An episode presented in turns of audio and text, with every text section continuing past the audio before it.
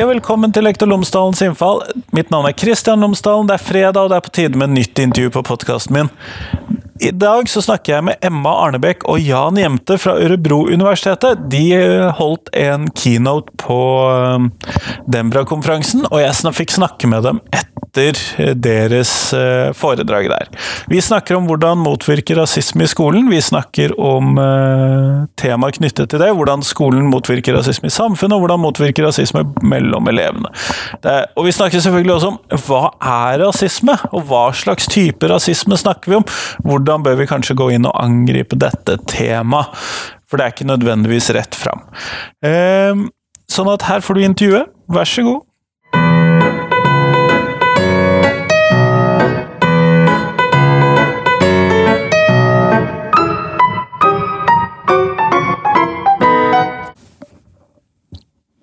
Jan Jemte og Emma Arnebakk, tusen takk for at jeg får prate med dere i dag. Takk selv.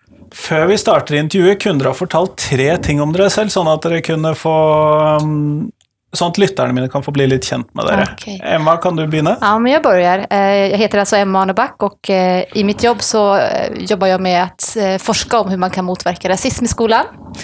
Eh, och eh, på min fritid så befinner jag mig helst på vatten om jag får. älskar att vara i båt, så det är tråkigt med vinter. Eh, och mina största laster är att jag köper alldeles för mycket böcker och dricker alldeles för mycket Cola Light. oj, oj, oj, vilken laddning du Vad ska jag säga nu? Lastefullt. Ja. det var allvarliga grejer. Ja, ja, ja, nu får du upp till bevis, Jan. Ja, precis. Ja. Jag heter Jan Jämte och jag är statsvetare eh, till yrket. Ehm, och jag har precis som Emma också fokuserat i min forskning på olika sätt att motverka rasism, både inom ramen för det civila samhället men också inom det offentliga. Ehm, och i det offentliga i synnerhet skolans roll, uppdrag och de problem som finns där. Um, privat så älskar jag också vatten. Får ta din lid där då. Vatten och musik är nog minst mina stora passioner i livet. Men då simmar jag hellre i vattnet eh, och spelar musik. Annars så eh, tas min tid upp av att hänga med en fantastisk liten son där hemma som jag bara älskar att vara med. Så jag försöker vara med honom så mycket jag bara kan eh, nu. Kjempeflott, tusen takk. Og det er jo nettopp eh, rasism rasisme i skolen, som, eller arbeidet med rasisme i skolen, som er tema for dagens samtale. For dere har rett og slett startet Dembra-konferansen, vært åpningsforedraget om dette temaet. Og da lurer jeg på, hvordan skal vi kunne eh, forhindre rasisme i skolen? Hvis vi starter så bredt, da, så kan du kanske heller hjälpa mig att komma in på lite smalare. Ja, precis. Då gick du direkt. Vi brukar säga så här när vi är ute och föreläser, så brukar vi säga så här, när vi möter eh, verksamma pedagoger eh, så är det väldigt många som är superintresserade just av det där huret som du just frågade. Alltså man vill ha metoderna, man vill ha den här quick fix, den här mirakelmedicinen som ska lösa det komplexa. Och då säger vi, men vi går inte dit nu. Därför att vi måste börja i frågan om vad vi ska motverka. Eh, hur rasism kommer till uttryck i pedagogisk verksamhet, vad som orsakar rasism och vilka konsekvenser det får.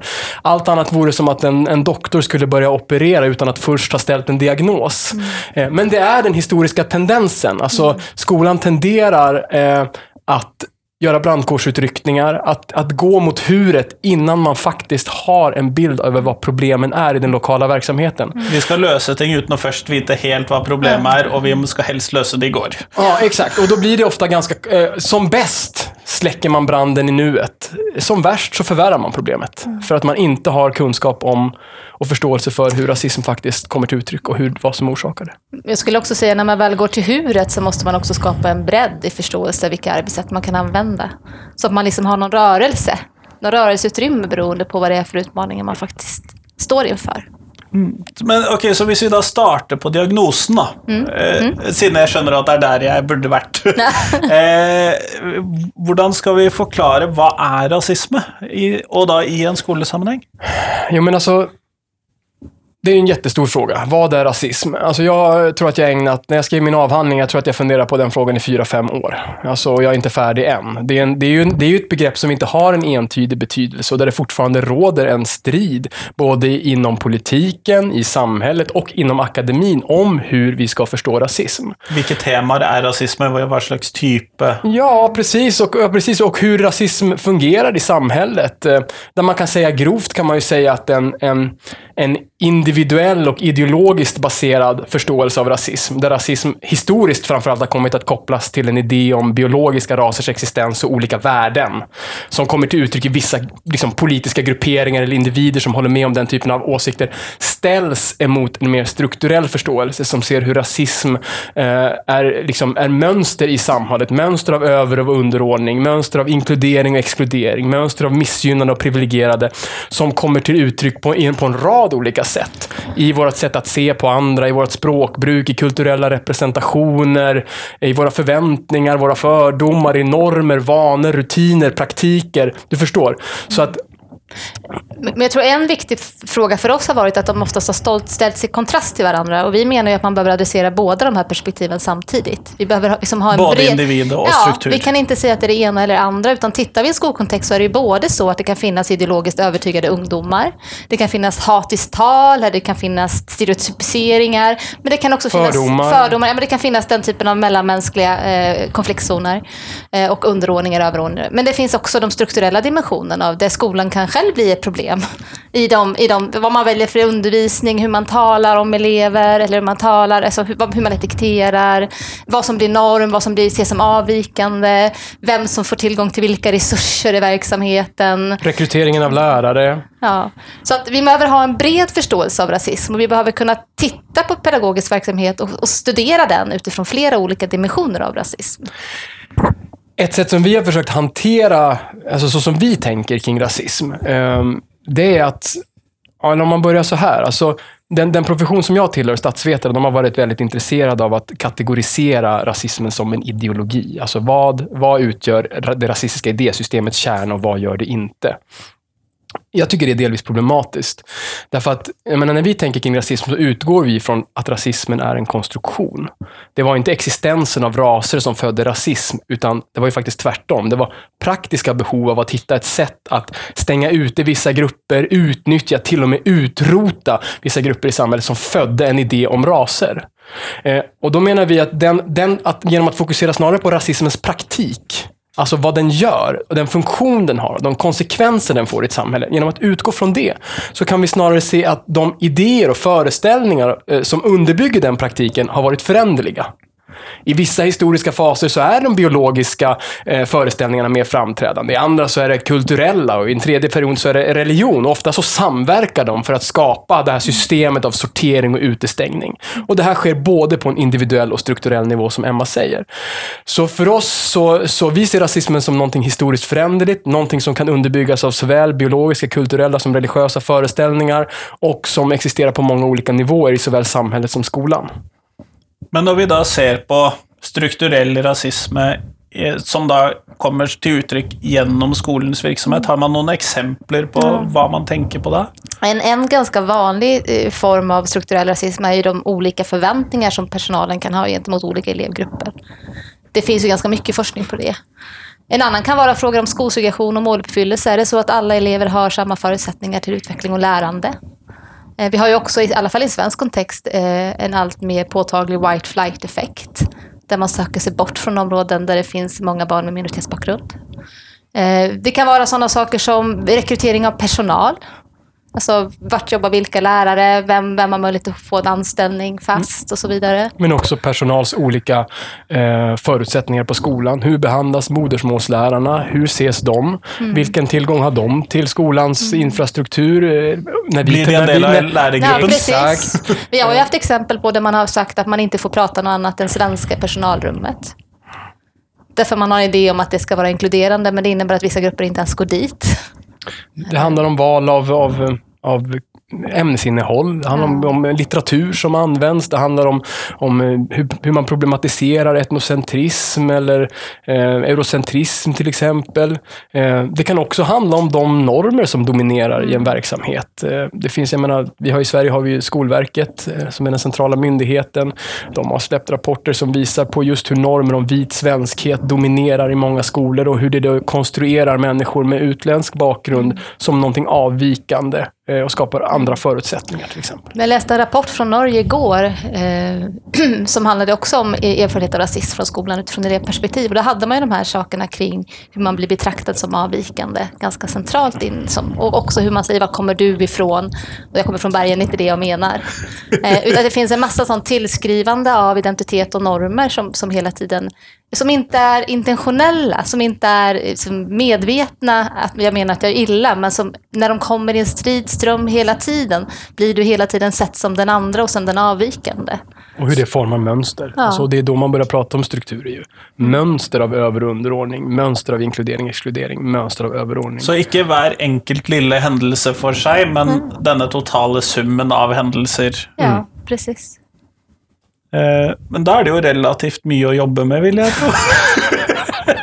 det är absolut väldigt mycket att jobba med. Och vi upplever när vi har jobbat med förskolor och skolor i Sverige, att när man förstår den strukturella dimensionen, då får man en nytt nytt driv. Att man förstår, det är inte bara det här, utan det är också det här. Det handlar också om vem jag är och hur vi gör, vilket material, hur vi samarbetar eh, och så vidare. Det kan ju vara så att när vi möter verksamheter ibland, och, och, och antingen i, i fortbildningssammanhang eller när vi gör intervjuer till exempel och, och pratar om vilka erfarenheter, vilka problem med rasism har ni haft i den egna verksamheten. Att man får berättelser som att ja, men vi har inte så mycket problem nu, men på 90-talet hade vi en del problem, för då var det några, några personer, några skinnskallar eller nynazister som fanns här. Liksom och så. Men sen när man då börjar jobba med de här frågorna, alltså hur, hur rasism kan komma till en rad olika uttryck på olika nivåer, så precis det som Emma beskriver, att säga, men okej, okay, det där var en del.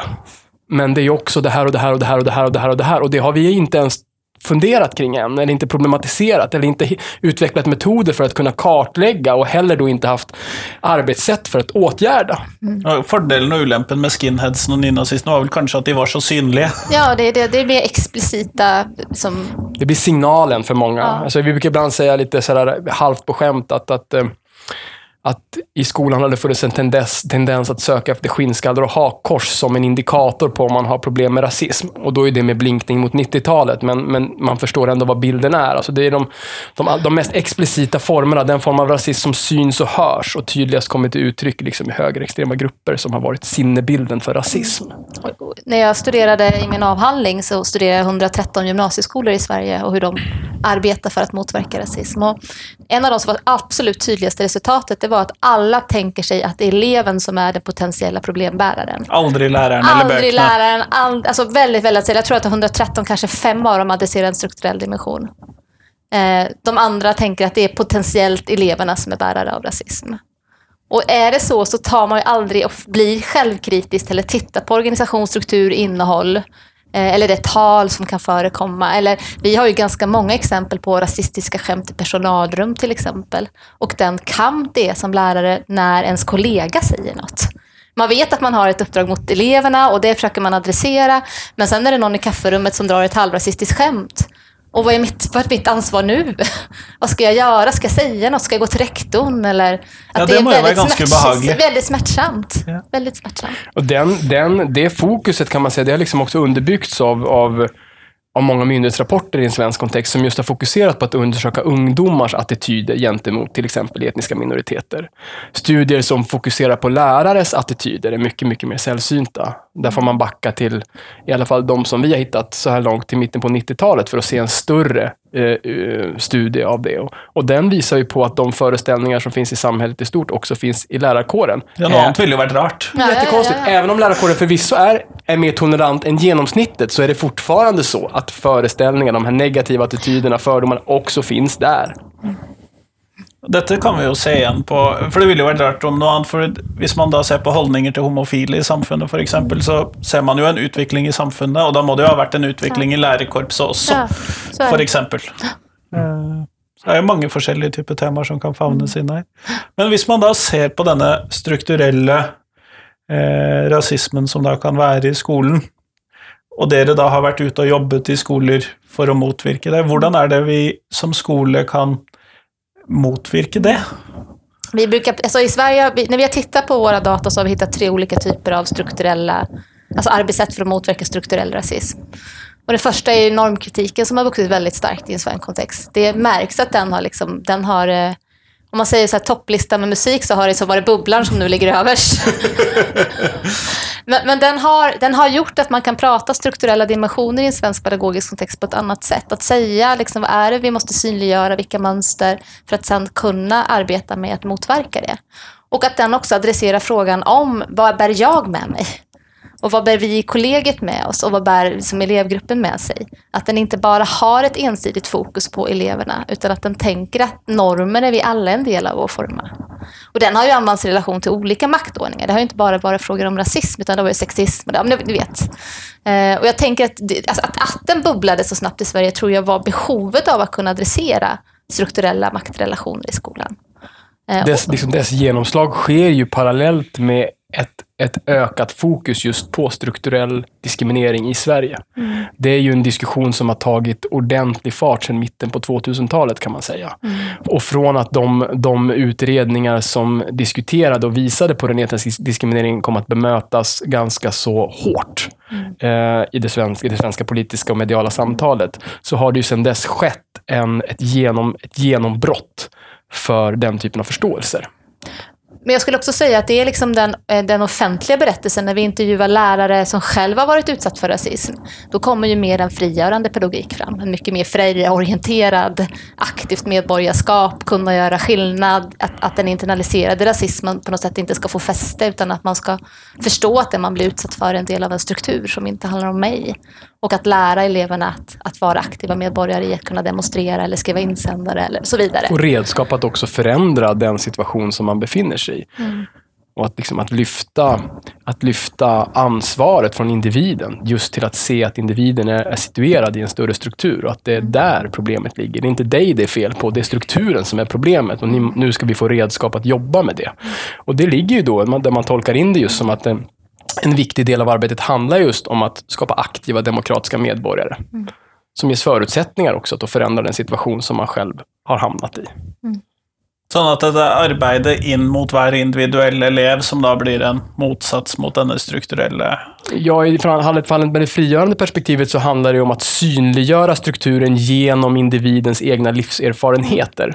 Alltså det är, inte att, det är inte att lära sig om något, utan att ta fasta på du, du, är, du är, oavsett om du vill eller inte, en del av de här strukturerna. Antingen som privilegierad, missgynnad, överordnad eller underordnad.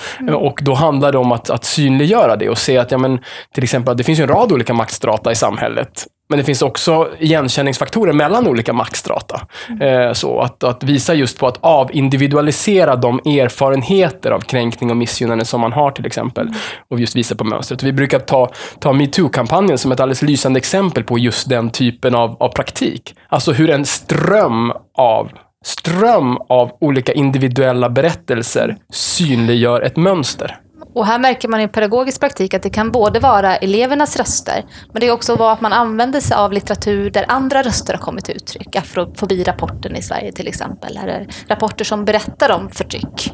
Så Ja. att den erfarenheten jag har, det är inte bara jag. Det är inte, det är inte för att jag liksom är jag, utan det är en, en del av ett strukturellt mönster. Er som- ikke fordi at jeg er slitsom, eller Nei. sånt, men dette er noe som skjer overalt. Ja, precis.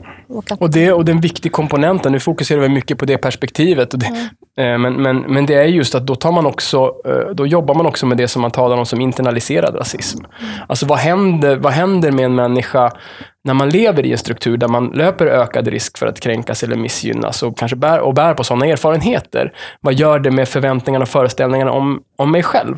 Alltså vad är min plats i samhället? Vilken utbildning eh, ska jag läsa på? Är universitetet en plats för mig? Vad gör människor i min jeg omgivning? med inne der? Ja. Hører jeg med der? ja, Ja, precis. Har jag en plats här? Är det här någon, är det, och, och, och det är ju, och det är ju då, då internaliseras ju strukturerna i sig själv och, och förvandlas till interna restriktioner. Eh, och det jobbar man ju också med i det perspektivet. Att, att bryta dem då liksom. Utan att för den skulle negligera existensen av strukturerna och säga nej, det är inget problem. Det finns, det är liksom de så. Det finns några i klass 9B Ja. som är ett problem.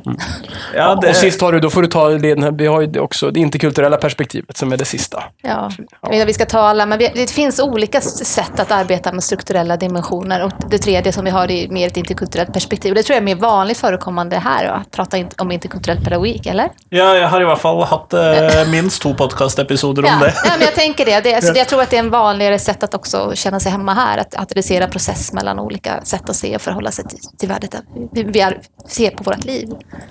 Um, men så det, vi ser ju att de här strukturella perspektiven växer i en svensk kontext, men vi, det är ju fortfarande väldigt stort fokus på arbetssätten som snarare adresserar individuell rasism. Men om jag skulle vara rektor då, i en situation och jag förstår att det finns en del strukturell rasism i den skolan jag styrer, mm. var är det jag bör börja arbeta för att pröva att lösa upp i detta? Jag skulle säga att du måste börja i kollegiet. Nej, men det, vi märker jätteofta att det, det, är ganska vanligt att det är eldsjälar som får driva det här arbetet. Och det är ju tungt i längden. Man kan inte vända en skuta själv. Utan man behöver ju hjälpas åt. Och ganska ofta finns det ju spänningar i föreställningar om rasism i ett arbetskollegie.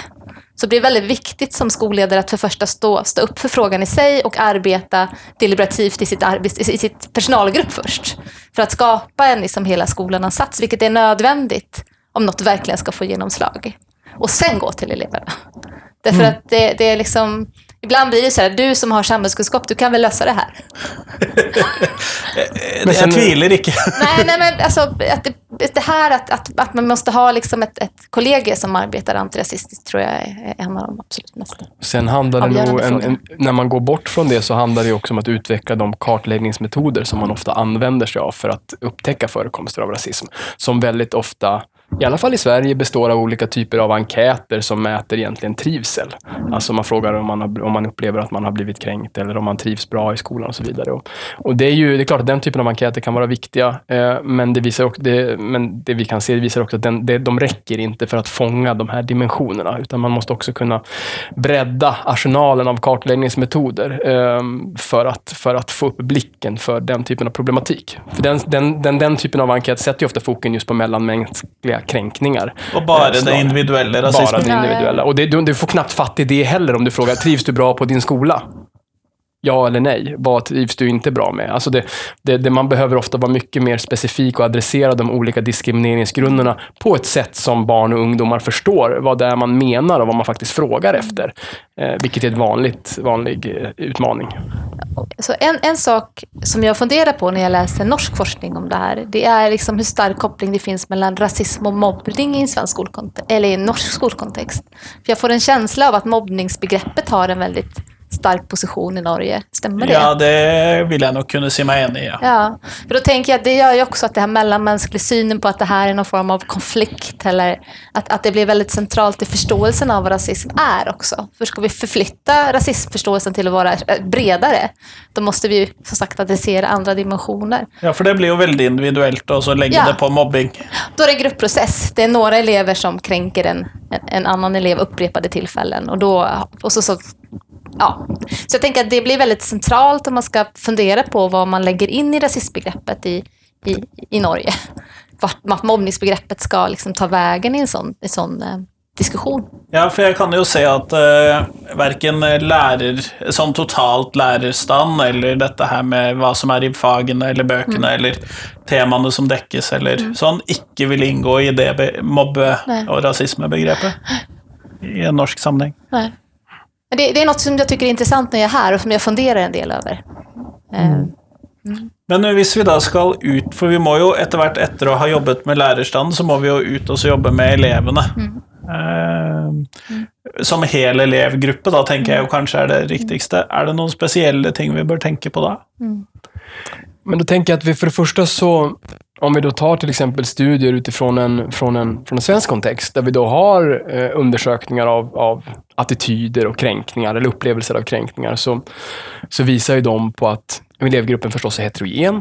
Eh, att det finns, eh, om vi då ska använda oss till exempel av, av rapporter från Forum för levande historia som mäter tolerans, som de definierar det då, så, så har vi en grupp som av toleranta elever som är, nu tar jag lite, nu får ni ta det mellan tummen och pekfingret när jag sitter där, men mellan 25 och 40 procent ungefär, beroende på vilken etnisk minoritet det handlar om.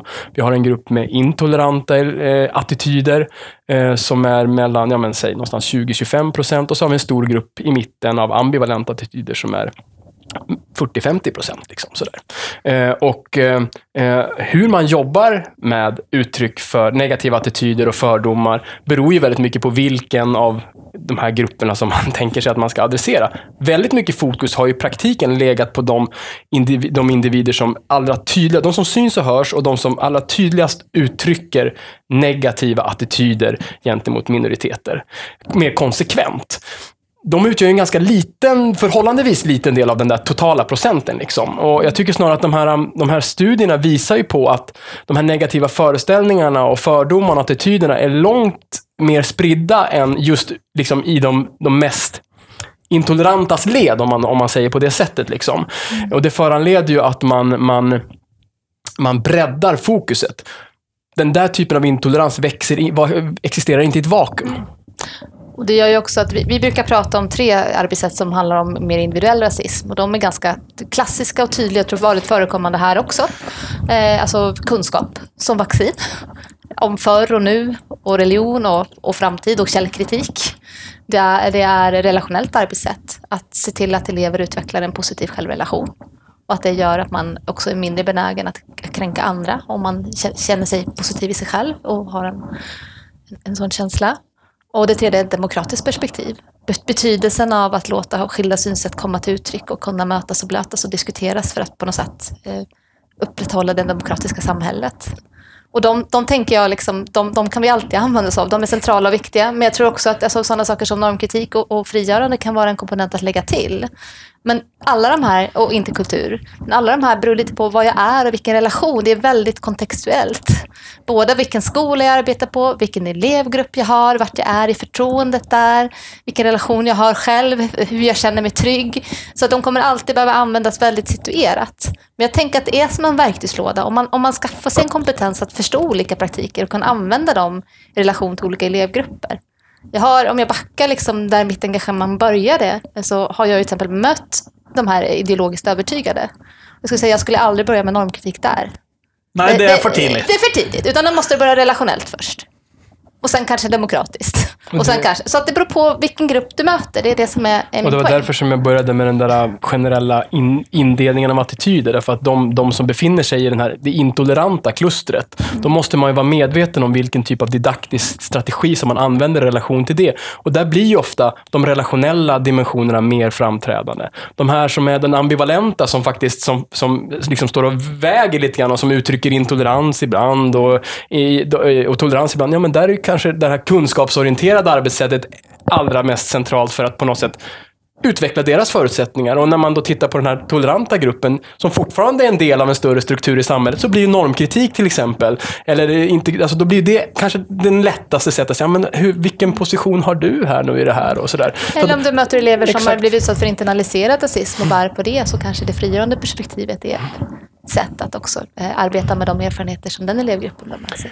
Och det är ju någonting, och där är vi ju inte, vi skulle säga att där är vi ju inte, där är vi ju i vår forskning nu. Att mm. vi håller på just att liksom titta på, vi intervjuar ju nu, vi följer ett 30-tal lärare under tre års tid i Sverige som jobbar med den här typen av frågorna och tittar på deras förståelse av rasism och hur de jobbar. Och det vi gör nu är att vi håller på att börja analysera just hur olika uttryck och förståelse av rasism relaterar till olika arbetssätt. Så det vi säger här är ju inte ens, vi kommer inte, det är inte en sanning vi sitter och proklamerar här, utan det är ju det är intryck uttryck och mönster som vi kan se utifrån liksom, pågående analyser. Så. Mm. Uh, men men, uh, men att, att, man, att man som lärare behöver kunna, man behöver ha kunskap om att kunna särskilja på och se hur rasismen tar sin rad olika uttryck och att därefter välja ett didaktiskt arbetssätt. Mm. Det är ju en central del av det vi försöker kommunicera. Mm. Det finns inte en det finns ingen modell. Det finns ingen modell. Det finns ingen, det finns ingen mirakelkur. Det finns ingen quick fix som kommer att kunna lösa frågan om rasism i sin fulla komplexitet. Vi måste kunna navigera mellan många olika arbetssätt. Men vi har ju varit på Dembra nu. Något jag skulle säga om det som jag tycker är intressant och positivt är att man lägger så mycket fokus på det främjande arbetet. För det tror jag är en av de viktiga komponenterna. Att inte bara tänka att det är något, när något sker och när något liksom explicit blir uttryckt. Utan må, man må jobba med det på förhand. Ja, i process hela tiden och att det liksom är en del av, av det demokratiska. Det, ja, men, de här processerna vi har som på något sätt ska de främ, främja de värden som vårt samhälle ska vila på. Mm, kjempeflott. Eh, Jeg har et, int- et spørsmål som jeg stiller til de som jeg intervjuer helt på slutten. Eh, Og det er hvis vi skulle lage et nytt fag i skolen, og det skulle ha et innhold, og det skulle ha et navn. Og Hvilke tanker gjør dere om hvilket fag dere skulle ha laget? Vi har pratat om det här på flyget hit, för vi tyckte det var en intressant fråga och vi har landat i ett gemensamt svar. Ja. Mm. Ja, och då sa vi att vi skulle vilja ha ett ämne som adresserar frågor om aktivt medborgarskap. Där det också handlar om inte bara att lära sig om, utan att faktiskt vara en del av samhället. Så et mer praktisk fag Ja. enn samfunnsfaget? Ja. Som kopplar an till skolans uppdrag om att faktiskt på något sätt ge, ge dem kunskaper och färdigheter som krävs för att kunna vara en aktiv demokratisk medborgare. Det finns fortfarande liksom mer man kan göra där för att gå från liksom det som är det kunskapsorienterade till också handlingen. Och I det inryms mycket av många av de här arbetssätten som vi talar om idag. Liksom. Eh, som, som kompetenser, som färdigheter som vi alla behöver ha för att kunna liksom navigera i det här samhället och speciellt i den här polariserade tiden vi lever i. Och framförallt också kunna göra kritiska maktanalyser av nuet. Att inte fokusera det bakåt eller till någon annan land eller att det också är det som sker nu och här. Analysere oss selv. Ja, precis. Och, och kunna förhålla oss till det tillsammans. Kjempeflott. Tusen takk for at dere tok dere tid til meg i dag. Tack så mycket. Tack så mycket.